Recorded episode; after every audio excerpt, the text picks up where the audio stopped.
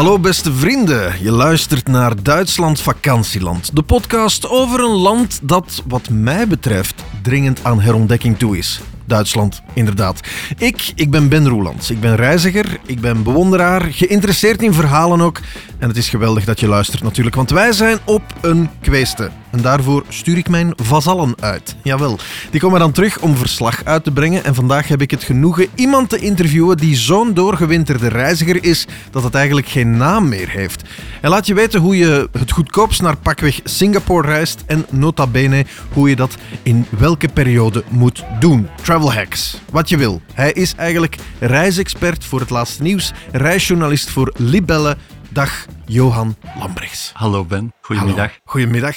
Vandaag gaan we dus niet naar een of andere exotische bestemming, want ik had begrepen voor Libelle dat je dat wel vaker doet, zoiets. Inderdaad, maar uh, je zei daarnet uh, herwaardering van Duitsland. Ik ben het volledig met je eens. Ik vind het een van de meest onderschatte vakantielanden dicht in de buurt. Voilà. Dus ik ben blij dat ik er altijd naartoe mag. Ik denk dat jij de juiste man op de juiste plek bent. Ja, dan, dat gaan we nog zien. Hè? Dat gaan we nog zien. De herwaardering. Nee, maar eventjes uh, Duitsland in het algemeen. Laat ons het daar eens over hebben. Waarom is die herwaardering dringend nodig dan? Ik denk dat die herwaardering nodig is omdat veel mensen een heel ouderwets beeld hebben van Duitsland. Duitsland, dat was waar uh, Bomma en Bomba 30, 40 jaar geleden met de bus naartoe gingen. En ik denk dat er, uh, dat los van de clichés, dat Duitsland een echte ontdekking is. Mm -hmm. Ik ben uh, van het oosten van Dresden tot in het westen Düsseldorf gereisd.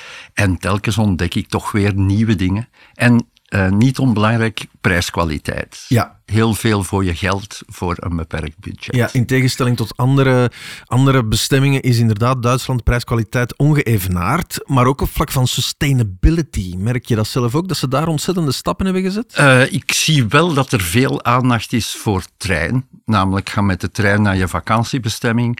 En uh, voor openbaar vervoer. Maar openbaar vervoer was altijd al goed, dus dat zie ik overal. Mm -hmm. En ik zie ook inderdaad dat er heel veel restaurants een stap voorwaarts hebben gemaakt. Heel veel mensen denken nog aan de klassieke schnitzel. Best lekker, maar wel de klassieke schnitzel. En nu vind je heel veel uh, vegan, vegetarische restaurants.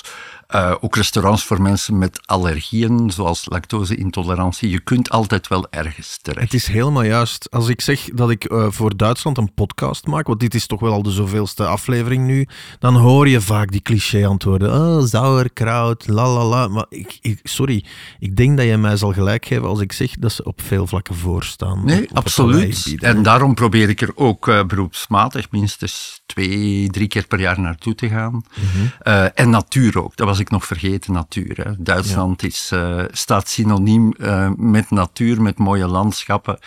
Uh, die je iets minder in Düsseldorf vindt, maar Düsseldorf is natuurlijk ook een andere bestemming. Het brengt me naadloos naar de bestemming waar we het vandaag over zullen hebben natuurlijk, en dat is Düsseldorf. Prachtige stad. Ja, absoluut. Ben je er al geweest? Ik ben er geweest. Voor een kerstmarkt, nota bene. Het is op een boogscheut van Antwerpen, of van België eigenlijk. Ja. Je moet er niet te lang voor rijden. Het is een prachtige stad, een rijke stad ook. Ja. Maar dat wist ik dus allemaal niet. Hè? Ah, nee. Ik bedoel, ik probeer altijd zo onbevangen mogelijk naar een bestemming te gaan. Hmm. Dat wil zeggen dat ik eigenlijk nooit iets vooraf lees. Ik laat me echt verrassen.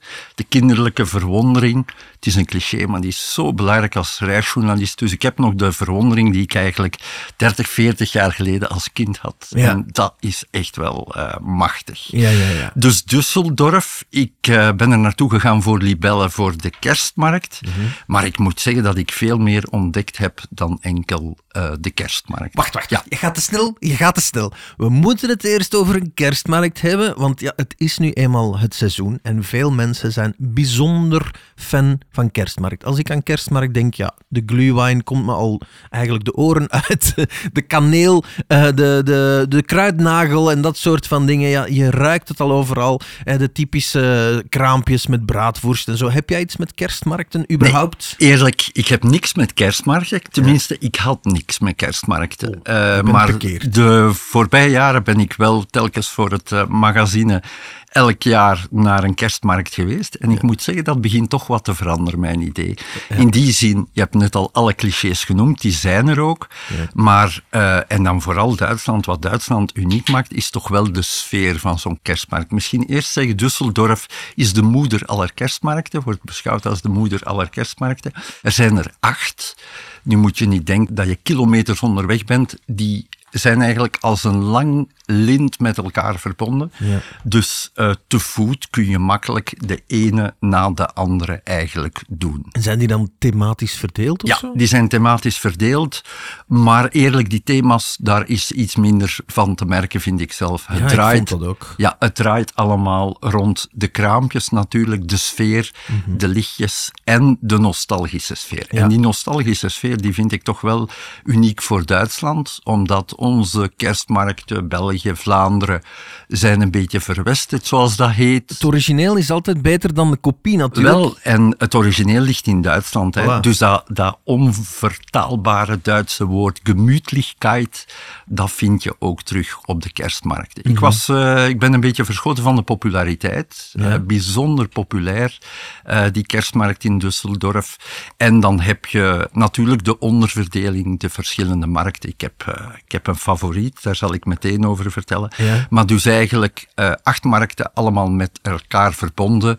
Eh, kraampjes zijn min of meer verschillend, maar je vindt overal wel die glühwein.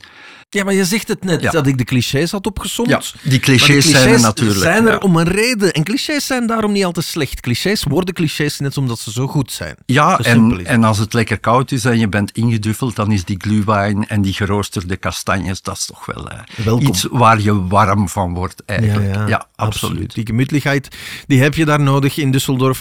Dat is natuurlijk op de, op de kerstmarkt, eh, waar je van dat houtsnijwerk kan kopen, eh, waar je de geur van dennenbomen vindt en de geur van prachtige geurkaarsjes uiteraard ook. Als je daarvoor naar Düsseldorf gaat, ja, dan ben je aan het juiste adres, denk ik. Hè? De moeder van de kerstmarkt. Ja. Er is ook een schaatsbaan, vind ik wel leuk. En dat brengt mij meteen bij de, volgens mij de, de leukste van al die kerstmarkten. En de leukste is de Keu, de Koningsallee. En dat is eigenlijk de Louisalaan van Düsseldorf. Ja. Eh, Dure boutiques. Dure boutiques, Dure heel, kledij, heel ja. lange laan. Maar wat leuk is, eh, gescheiden door water. Ja. En aan de ene kant van dat water heb je de chique historische huizen, Pruisische huizen, waar allemaal banken zitten. En men zegt eigenlijk aan de ene kant wordt het geld verdiend en aan de andere kant wordt het uitgegeven. Dus aan de andere kant heb je inderdaad al die eh, luxe boutiques van Dior, Gucci, maar die zie je niet op de kerstmarkt. Eh, ik moet zeggen, de chalets zijn wel iets chiquer, maar gewoon heel het decor is fantastisch. Je wandelt onder kastanjebomen, inderdaad de lichtjes, de muziek. En eh, ja, je gaat er eigenlijk ook een beetje om te kijken. Je Ja. gaat er om mensen te kijken, om te zien wat mensen doen. Ja. En helemaal op het einde van die, eh, van die keu ligt, eh, ligt de, de schaatsbaan, de ijspiste, waar, eh, ja, waar de gezinnen naartoe gaan. En waar er natuurlijk, ben niet te vergeten, tuchtig wordt bier gehesen. want ook dat hoort eh, bij de kerstmarkt. Mag ik eventjes, Johan, eh, als je toekomt op zo'n kerstmarkt, waar kunnen we jou terugvinden? Is dat aan de glühwein of de schnaps? Of zit je aan, de, aan het rauchbier of zo? Ik ben een observator. ik, Dat is diplomatisch Ik wandel heel veel. Ik wandel heel veel rond. Dus mij, ja, nee, mij ga je eerder overal een beetje vinden. Maar als ik dan toch iets moet kiezen, ja, die glühwein met kerstmis is toch wel, eh, is toch wel geestig. hè. Het hoort erbij. Het goede aan Düsseldorf, jij weet dat net zo goed als ik, is het feit dat je daar kan gaan voor de Weihnachtsmarkt.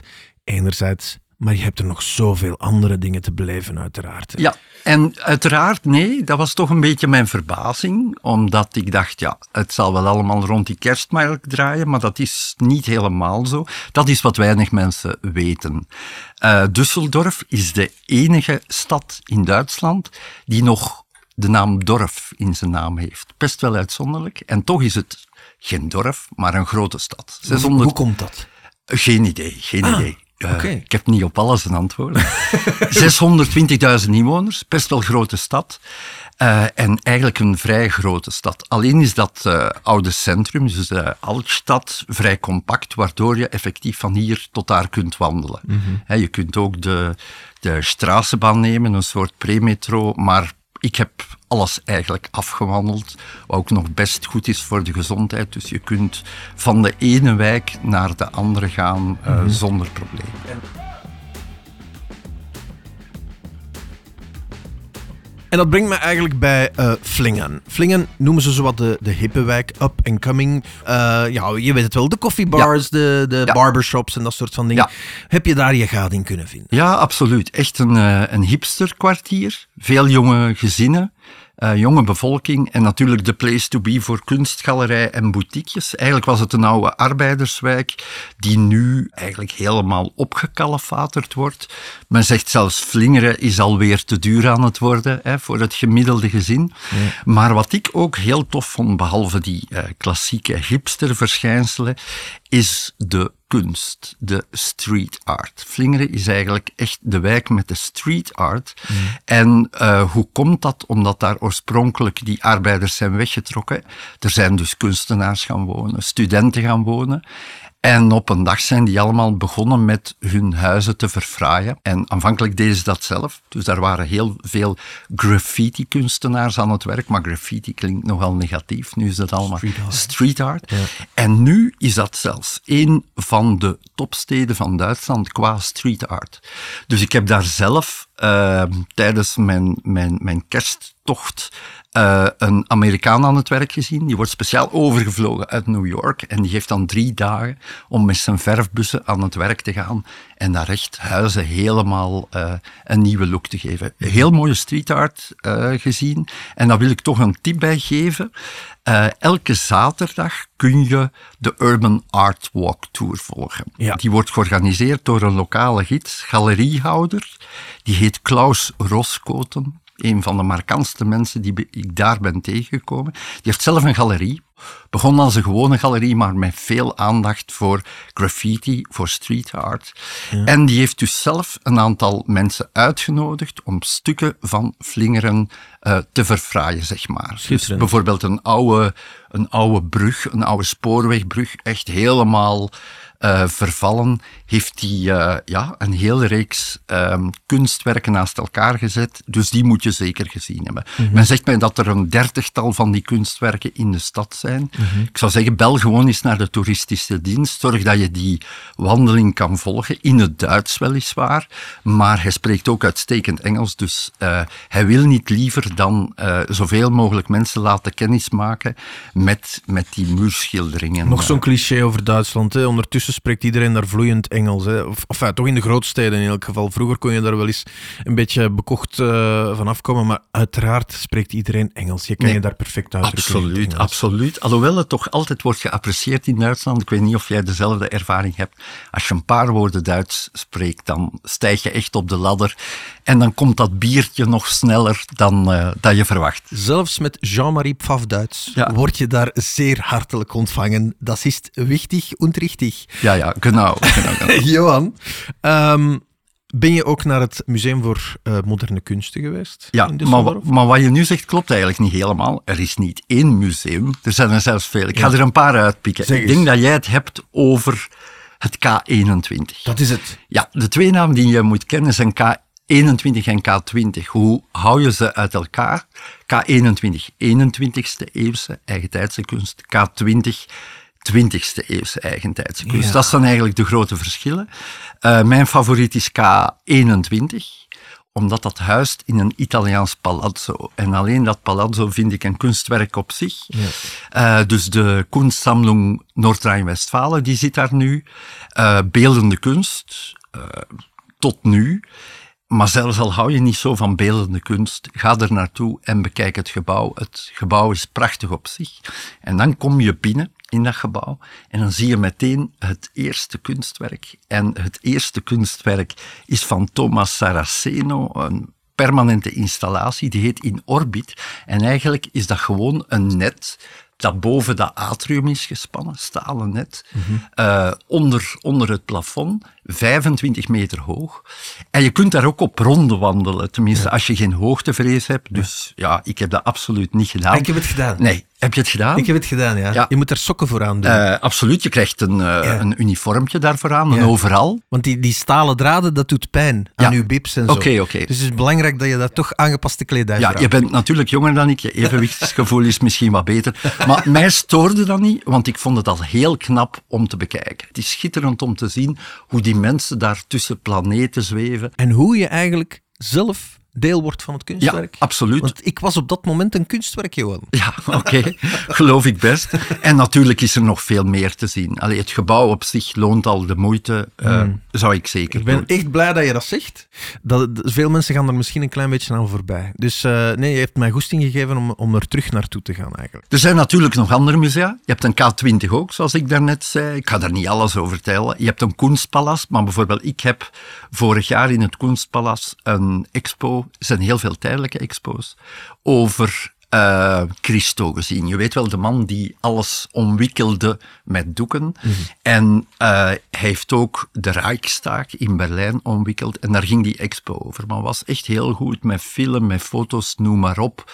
Uh, heel, heel diepgaande exploratie eigenlijk van wat hij in Berlijn heeft gedaan. Ja. Mij verbaasde het dat er zoveel kunst was in Düsseldorf, maar dat heeft met de academie te maken. Hè. Academie ja. is zeer bekend geweest in der tijd. Mm -hmm. Onder meer Joseph Beuys, die je waarschijnlijk kent van het SMAK in Gent, hedendaagse kunstenaar met installaties. Jan Hoed had daar uh, een grote boon voor. Mm -hmm. Die gaf daar les. Mm -hmm. En natuurlijk de ene kunstenaar trekt de andere aan. En vandaar dat heel mooie aanbod eigenlijk aan kunstmusea. En dat heeft eigenlijk uh, geresulteerd in een ticket, ja. het Art Walk 48 ticket. Ja. Wat, wat houdt dat precies in? Dat houdt in dat je één ticket koopt, 25 euro, en dat je daarmee die zes musea, of zes van de musea kunt zien, wel niet onbelangrijk op 48 uur. Nu, 48 uur, twee dagen, lukt eigenlijk. Maar ja, je moet die kerstmarkten dan nog doen. hè.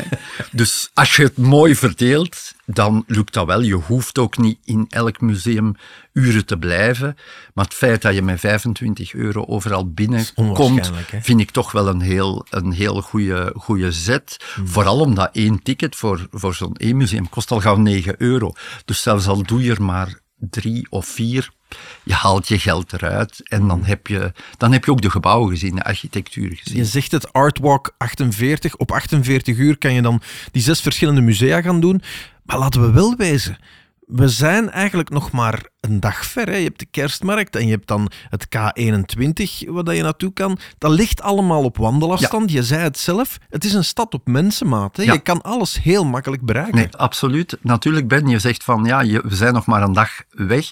Niet iedereen heeft zin om drie musea per dag te doen. Dus wat ik altijd aanraad, uh, doe er dan maar vier in plaats van zes. Uh, mm -hmm. Maar geef jezelf wat ademruimte. Uh, niet iedereen is wild van hedendaagse kunst. Alhoewel ik vind, ik bedoel, daar hangt ook een, een Picasso tussen, uh, die toch echt wel een heel publiek, een heel breed publiek aanspreekt. Uh, laat je dat zeker niet tegenhouden. Nee, en los daarvan, de wandeling er naartoe is ook al prachtig met de verschillende parken die ze ja, hebben. absoluut. Alles staat dan in herfstkleuren en ga nee, zo maar door. Voilà. En die ja. K21 inderdaad ligt in een heel mooi park. Dat, dat herinner je waarschijnlijk nog. Ja, ja. Hè, met, een, met een grote vijver. En dus krachten, de, de wandeling op zich al is de moeite. Ja. En dus ik zou zoveel mogelijk te voet doen. Als het weer het toelaat. Mhm. Uh, zo hebben wij het gedaan. En uh, ja, dan, dan zie je ook iets van de natuur inderdaad. Ben je ook te voet naar de Japanse wijk geweest? Uh, ja, want ook die ligt op wandelafstand natuurlijk. Hè. Die ligt vlakbij het station. Dus geen probleem eigenlijk. Was het uh, wat je verwacht had? Was het een soort van Chinatown op zijn Japans? En waarom hebben ze in Düsseldorf een Japanse wijk überhaupt? Ja. Uh, eerst en vooral, ik had eigenlijk weinig verwacht. Ik wist wel al, ze noemen het Little Tokyo. Mij interesseerde dat vooral voor het uh, foodie-aspect. Ja. Namelijk heel veel sushi. En dat bleek ook te kloppen. Maar voor de rest uh, wist ik er eigenlijk heel weinig van. Wat is er gebeurd? de Japanners hebben sinds de Tweede Wereldoorlog een heel goede handelsrelatie met de Duitsers. Dat is altijd blijven duren. Oorlog is er tussen gekomen, maar is altijd blijven duren. En uh, nu zijn er meer dan 500 Japanse bedrijven in Düsseldorf. Ongelooflijk. Onwaarschijnlijk. En natuurlijk, uh, dat heeft heel veel uh, volk in beweging gebracht. Heel veel mensen zijn ook, heel veel Japanners zijn in Düsseldorf komen wonen voor de job. Die verlangen natuurlijk niet naar de Duitse schnitzel, maar wel naar echt Japanse hotspots. Ja. Winkels, streetfood en sushi-restaurants. En de belangrijkste straat is de Immermannstrasse, vlakbij het station. De wijken rond vind je ook wel wat straten. Je komt daartoe en je ziet, en dat vond ik toch best spectaculair, enkel Japanse eethuizen. Zalig. Zeer populair. Op de middag is het aanschuiven, dus best reserveren. Op de middag staan daar wachtrijen, uh, dus die ga je ongetwijfeld tijdens de kerstmarkt ook tegenkomen. Maar laat je dan niet tegenhouden, want uh, ja, Japans eten, goed, betaalbaar, want we zijn in Duitsland. Ja. Uh, dus, ben je zelf gaan eten dan? Uh, ik ben in een Vietnamees eethuis geweest. Ja. Wat, wat, heb je gegeten? Uh, Neem mij eens mee, want het is nu toch al bijna etenstijd. Ik krijg een hongerke. Kom, waarom niet? Wel, uh, uh, bijzonder eethuis. Een uh, Vietnamees restaurant waar ze enkel vegetarische gerechten op het menu hebben. Dus waar ze de lenterolletjes hebben, of de spring rolls, maar zonder de kip of zonder uh, het varken. Dus een groentewok, allerlei gerechten met groenten. En natuurlijk, ja, zeer lekker. Dus Little Tokyo, niet enkel Japans. Als Nee. je zegt Japans is niks voor mij, Aziatisch. Je vindt er echt nog Zalig. wel, nog heb je, wel heb andere je dingen. geprobeerd? Nee, maar Feu. feu, feu ken ik, feu is het, hè? Ja, feu. Uh, nee, maar, maar En- hebben ze, en- hebben ze er uiteraard ook. Zalig.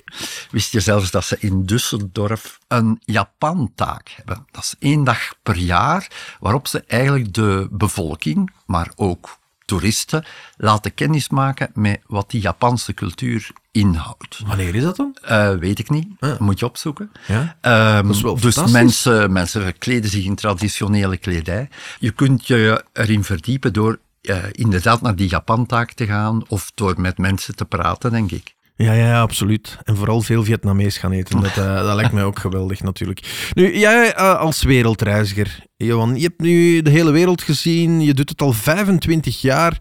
Ja, als jij dan hier komt om Duitsland te herontdekken, dan, dan is mijn eh, interesse getriggerd, om het op zijn minst te zeggen, natuurlijk. Hè.